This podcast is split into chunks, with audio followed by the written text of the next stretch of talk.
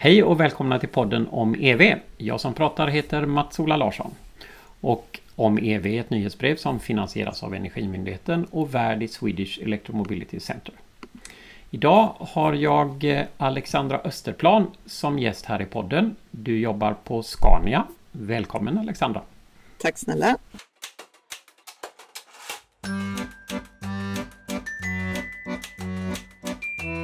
Du kan väl börja med att berätta lite vad du gör på Scania? Ja, eh, jag är faktiskt helt nyanställd på Scania. Jag är inne på min tredje månad eh, faktiskt. Och det är ganska ovanligt för mig på Scania för många har jobbat här väldigt länge. Men jag är helt ny. Eh, jag jobbar som e-mobility streamleader. Eh, vilket betyder att jag är ansvarig för all marknad och kommunikation eh, för eh, Scanias eh, e-mobilitet när det gäller lastbilar. Så elektrifiering av lastbilar, laddning och batterier. Mm. Och jag sitter då på marknad och kommunikationsavdelning ska det säga, så det är det som är mitt fokusområde. Ja. Är det en ny tjänst eller har det funnits någon före dig? Eh, det har funnits några innan mig eh, faktiskt. Eh, så det, men, men avdelningen i sig, mobilitet, är ju relativt ny, eller är väldigt ny inom Scania såklart. Eh, eh, men, men har funnits ett par år. Ja, och den tanke som jag omedelbart fick när jag bad dig att uh, vara med i vår podd där, det är ju hur, uh, hur jobbar en marknadsmänniska för att uh, nå de här kunderna? Det är ju en ny produkt. Mm. Det krävs en massa förutsättningar. Så hur tänker ni när ni ska hitta era kunder och, och få dem att underlätta för dem att välja elektrifierade fordon? Ja, det är ju, eh, vi tittar ju på, vi har ju olika så typ storlekar på bilarna. Så den som vi har lanserat nu så kallas för en urban eh, BEV. Då. Det är ju, det är ju en, en lastbil som är kanske mer ämnad för, för eh, när stadstrafik och så vidare. Så finns det ju då regional som går lite längre mellan städer och så har man då lång, långdistans som, är, som kör liksom längre. Men om man tittar då på den här första BEVen som vi har introducerat så, så har det varit, dels så har det varit kunder själva som är såklart våra befintliga kunder som är intresserade av elektrifiering som är kanske lite så early adopters i det sammanhanget. Eh, och då tittar man ju på hur, hur, deras, hur deras eh, mönster ser ut, med deras dagliga rutter ser ut och hur mycket av den kan man elektrifiera. Eh, för allt handlar ju också om vart kan man kunna ladda ladda sin, sin lastbil. Ehm, så man tittar lite utifrån dem. Och mycket handlar ju om att, att visa också på goda exempel. Vi jobbar mycket med kundcase. Vi har någonting som heter Scania Pilot Partner som, eh, där, vi, där vi har kunder, som både större och mindre, men där man ser hur har de så att säga elektrifier hur de jobbar de med sin elektrifieringsresa. Så det är en del. Men också handlar det mycket om att utbilda och visa att vi så att säga är väldigt måna om att vara så kallade trusted advisors. Att kunder ska kunna känna sig att de kan komma till Scania och få svar på sina frågor. För mycket handlar ju om att det, det är klart att det, hur, de har ju en verksamhet som ska fungera och hur kan vi, kan vi liksom lösa det med, med el eller eller måste vi ha en mix? Och, och I många fall så har man en mix kanske att man har no några, några elektrifierade lastbilar men också så kanske några som går på konventionella bränslen så att säga för att klara de längre, längre transporterna. Men vi tittar också mycket på hur vi kan hjälpa så att säga våran kund, hur de kan hjälpa sin kund. För det är ju så att kund, våra kunders kunder har ju ganska höga Eh, i många fall höga, höga krav på sina leveranser och att de ska vara elektrifierade och så vidare. Så att det tittar vi också mycket på hur vi kan vara behjälpliga där och, och um, titta på andra marknader. Hur gör, vi jobbar ju globalt så hur gör man i andra länder eh, och goda exempel. Du, jag tänkte på om vi börjar eh, bakifrån eller vad det nu blir. Det, så sa du det där att eh, de som kör lastbilar de behöver ju göra en analys av eh, alltså fordonsflödena, vilka fordon, var kör de, hur skulle de mm. kunna ladda och så. Eh, gör ni den typen av analyser åt dem? För det där har jag förstått kan vara en ganska klurig grej för ett eh, medelstort åkeri som kanske inte har jobbat på det viset tidigare. Ja men det gör vi och det är ju det som är lite grann det här med som man är en pålitlig partner, trusted advisor, att vi liksom hjälper kunden i hela deras elektrifieringsresa. Man tittar på deras väg framåt och då kan man säga i, i första mötet kanske så här, men vi kan inte elektrifiera för vi ska åka hit och vi har den här sträckan. Men då kan man ju titta, men i, den här, I det här området så har ni möjlighet att elektrifiera för det finns laddstolpar och finns det inte laddstolpar där så kanske vi tillsammans med andra partners kan hjälpa till att, att det kommer upp laddstolpar på de, på de platserna. Jag kan ta ett exempel till exempel att vi har eh, Grober, det är, det är inte ett svenskt företag, det är ett italienskt eh, transportföretag som har Electrolux som kund. Och Electrolux ställer ju väldigt höga krav på, på, på sina leverantörer. Och där ser vi till att hjälpa till att, att då att våran kund Grober ska kunna ta, hjälpa Electrolux till att ha, att vi ska kunna köra deras transporter helt elektrifierade från punkt A till punkt B. Eh, och också då i vissa fall kanske till och med eh, hjälpa till med, med laddlösningar på vissa ställen.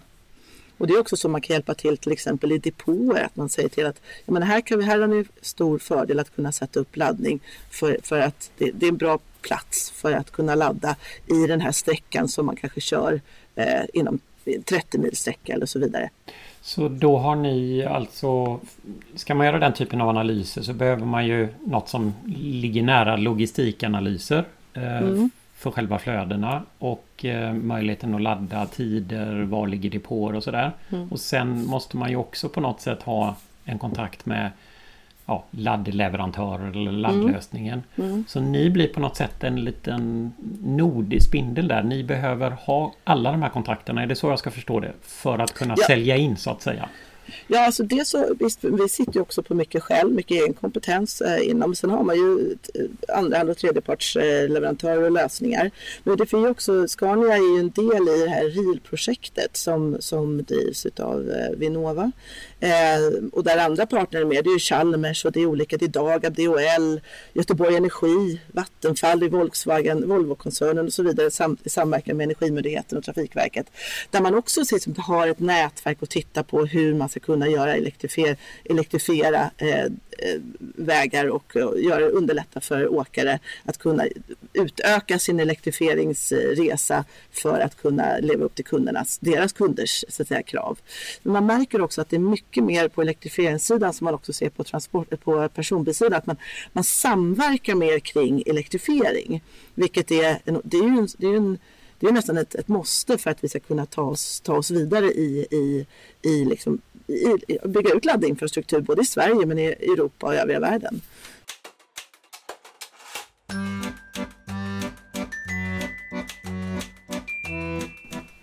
Du, eh, Eh, nästa grej som du sa här inledningsvis som jag tänkte på är att ni hjälper eh, kunder. De har frågor. Vilken typ av frågor får man då från en, en, en möjlig köpare av ett elfordon? Vad är de vanliga frågorna de har? Ja, men mycket är ju, handlar ju om det här, vad kan jag ladda, hur och hur långt kan jag köra på en laddning och så vidare.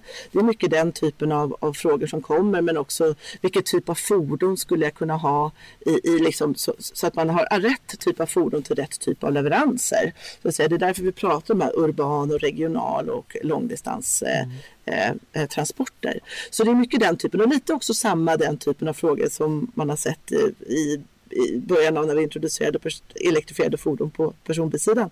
Alltså, ladda, eh, ladda och lagra och, eh, och eh, hur långt kommer jag? Räckvidd. Mm. Den här klassiska räckviddsångesten den, den, den finns ju med oss så att säga men jag känner ändå att den har Eh, I och med att alla pers personer, då, oavsett om man är företag eller privat, privat så, så har man någon form av relation till ett laddbart fordon idag. Det hade man ju inte för, för en 10-12 år sedan när, när man började introducera bilbilar, personbilar. Just det. Eh, sen har ju många åkerier har ju åtminstone en del av fordonen går ju väldigt förbestämda rutter jämfört Precis. med personbilsmarknaden som mm. där rimligen räckviddsångest borde vara ett mer relevant begrepp än för mm. den delen av yrkesflottan. Som så är det ju absolut. De har en mer fixed rutt och man vet. Och jag menar, jag menar, man, kan, man kan ju inte bara göra en copy-paste på personbilssidan och på den tunga sidan absolut inte. För man har ju många andra lagar och regler. Men en chaufför måste ju vila ett visst antal timmar och så vidare när man kör och man ska kunna ladda på rätt ställen för att kunna göra vara mest effektiv i sin leverans eh, till, till kund så att säga. Så att, eh, absolut, det, det, det, är mer förbestämt på det sättet. Men det är ändå en fråga som dyker upp. Framförallt också laddinfrastrukturen som jag nämnde tidigare så finns det ju då samarbeten eh, och fina sådana och goda exempel på det. Men det känns liksom ibland som jag kan tycka att branschen gör sin hemläxa, man tar fram fordon, man hittar lösningar på saker och ting. Men sen är det inte alltid som regelverken kanske följer och det är väl, jag tänkte också på, på, på utbyggnad av laddinfrastruktur samt också incitament för företag och åkare att kunna gå över till, en, till, en, till ett laddbart alternativ. Det krävs mer sånt också för att, för att kunna få också en ytterligare push. Men du, det finns väl eh, fortfarande incitament på tunga sidan, ett stöd mm. för att köpa tunga ja, laddbara precis. fordon? Ja, ja. Jo men det gör det och det, och det är ju det är jättefantastiskt att, att det finns att det finns kvar. Det får vi hoppas att, att det stannar på det, på det sättet också. Eh, för det kommer ju behövas ett tag framöver. Men jag, tyckte, jag tänker mest på, på laddinfrastrukturen som måste byggas ut. För det är ju många fordon som ska laddas lastbilar står parkerade inom, på vissa på speciella platser för, för, för vila och så vidare. Att där ska man ju ha laddinfrastruktur och där ska det också finnas kanske andra möjligheter för, för, för äh, åkare att äh, jag menar, göra det lite, lite enklare och mer bekvämare för dem. För det är ändå en stund man kanske står och laddar. Mm. Men jag tycker ändå liksom att det, det, finns ett stort intresse bland, bland åkare, bland, bland våra kunder att elektrifiera. Men man måste helt enkelt hjälpa dem.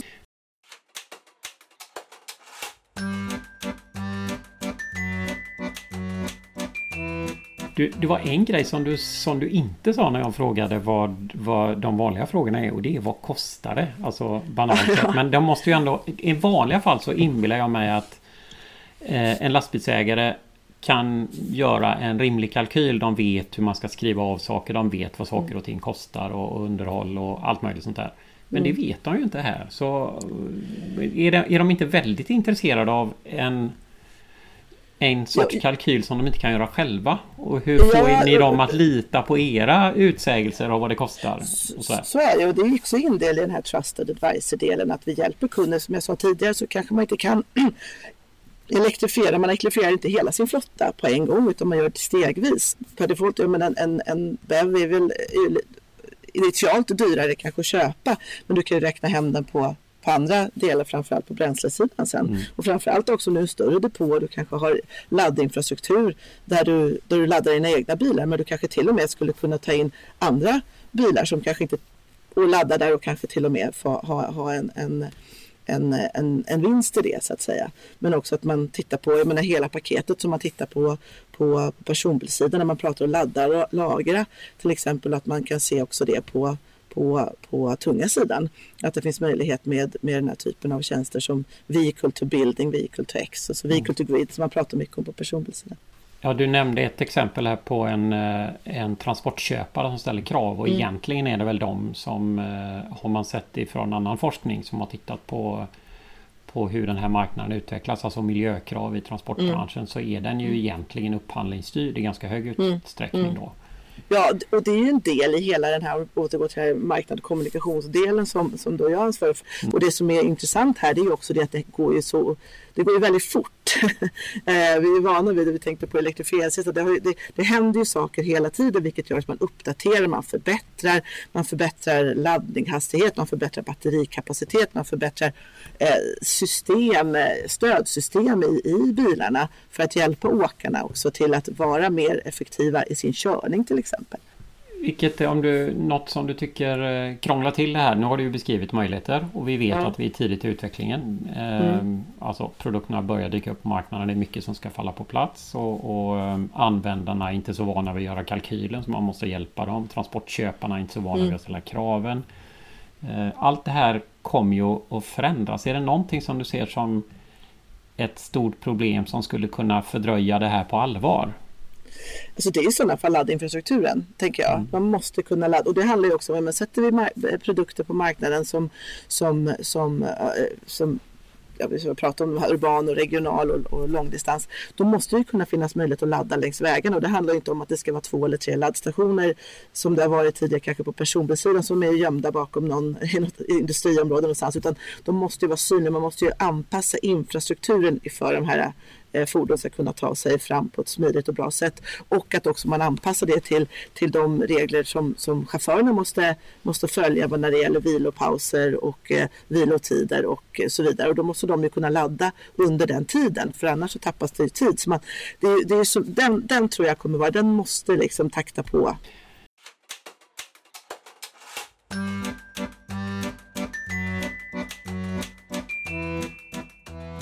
När man tänker på den interna organisationen så misstänker jag att eh, återförsäljarledet också är viktiga att utbilda. Eller hur ser du på den eh, frågan? Ja, det är de som ska sälja produkterna och det är A och O i verksamheten såklart. Och där har vi ju säljare, alltså vi, en global, global eh, organisation så vi har ju eh, säljorganisationer över hela världen. Men det handlar ju också om att när man ska börja sälja nya produkter som elektrifierade produkter är och det är klart att det, är ju, det ställs ju många andra typer av frågor ifrån kunden. Vilket gör att man måste på något sätt, och det är jätteviktigt att man ger självförtroende och eh, mycket kompetens till säljarna att liksom gå in i den här diskussionen med, med kunden och kunna förklara på ett pedagogiskt sätt. Eh, eh ge dem den, det underlaget de behöver för att fatta sina beslut. Eh, och sen också att det är klart att det tar ju längre tid att sälja in en elektrifierad lastbil än vad det tar att sälja in en konventionell bränslemotor. Eh, såklart. Eh, I dagsläget i alla fall och det där kommer ju ändras över tid. Men, men, att det där är otroligt viktigt att de ska känna. För oftast är det ju att eh, de som så att säga kommer in och är intresserade och tar kontakt med oss och är intresserade av en, av en ellastbil är ju väldigt pålästa i det, i det sammanhanget såklart. För man väljer att gå in i någonting som är helt nytt. Man går in i någonting som kostar initialt eh, lite dyrare. Eh, och då har man läst på och då ska ju också sälj får, alltså, säljkåren ha liksom allt det självförtroendet och känna all det stödet de kan få från oss för att gå in i den här diskussionen med kunden och sen kunna också un, under, under tid och kunna förklara för dem och se vad som är bäst för dig just i det här skedet. Du, eh, avslutningsvis här så är det ju så att jag vet att du har en bakgrund i personbilsbranschen mm. eh, när det gäller elektrifiering. Berätta lite. Men jag har en eh, lång eh, erfarenhet. Jag jobbade på Nissan tidigare kan jag nämna. Eh, och har även varit på, på lite andra elbilsbolag däremellan. Men jag har jobbat bland annat med att introducera Nissan Leaf på den svenska marknaden. Så att, jag har ju sett den här resan och frågeställningarna och, och känner igen mycket utav mm. det. Och tycker liksom att elektrifieringsresan redan från början när vi satte när Nissan satte Nissan Leaf på, på, på marknaden så redan då så såg jag liksom att det här är ju en fantastisk produkt som kommer kunna göra så mycket mer. Och att man började se sig själv, det jag jobbade mycket med på slutet var ju också det här med att eh, så att kunden blev ju också, bil, bilföraren blev ju också någon form av energileverantör. Eh, man kunde titta på vehicle to grid, vilket jag tycker är otroligt intressant. Hur man kan ha solceller på taket, lagra den energin i batteriet i bilen och nyttja den. Eventuellt få möjlighet att pusha tillbaka energi till nätet eller till sin byggnad. Eh, och där jobbade vi mycket med, med kommuner, framförallt Kungsbacka kommun som, som, som jobbade hårt med det och har, var väldigt framstående i de bitarna. Otroligt intressant om man ser som den här möjligheten och jag kan se att och den möjligheten finns ju också på den tunga sidan nästan ännu mer. Eh, det är ju en del likheter har du varit inne på här men det måste ju också med din bakgrund från personbilssidan då. Det finns, vad är den stora skillnaden tycker du när du jobbar som på marknad för tunga kommersiella fordon?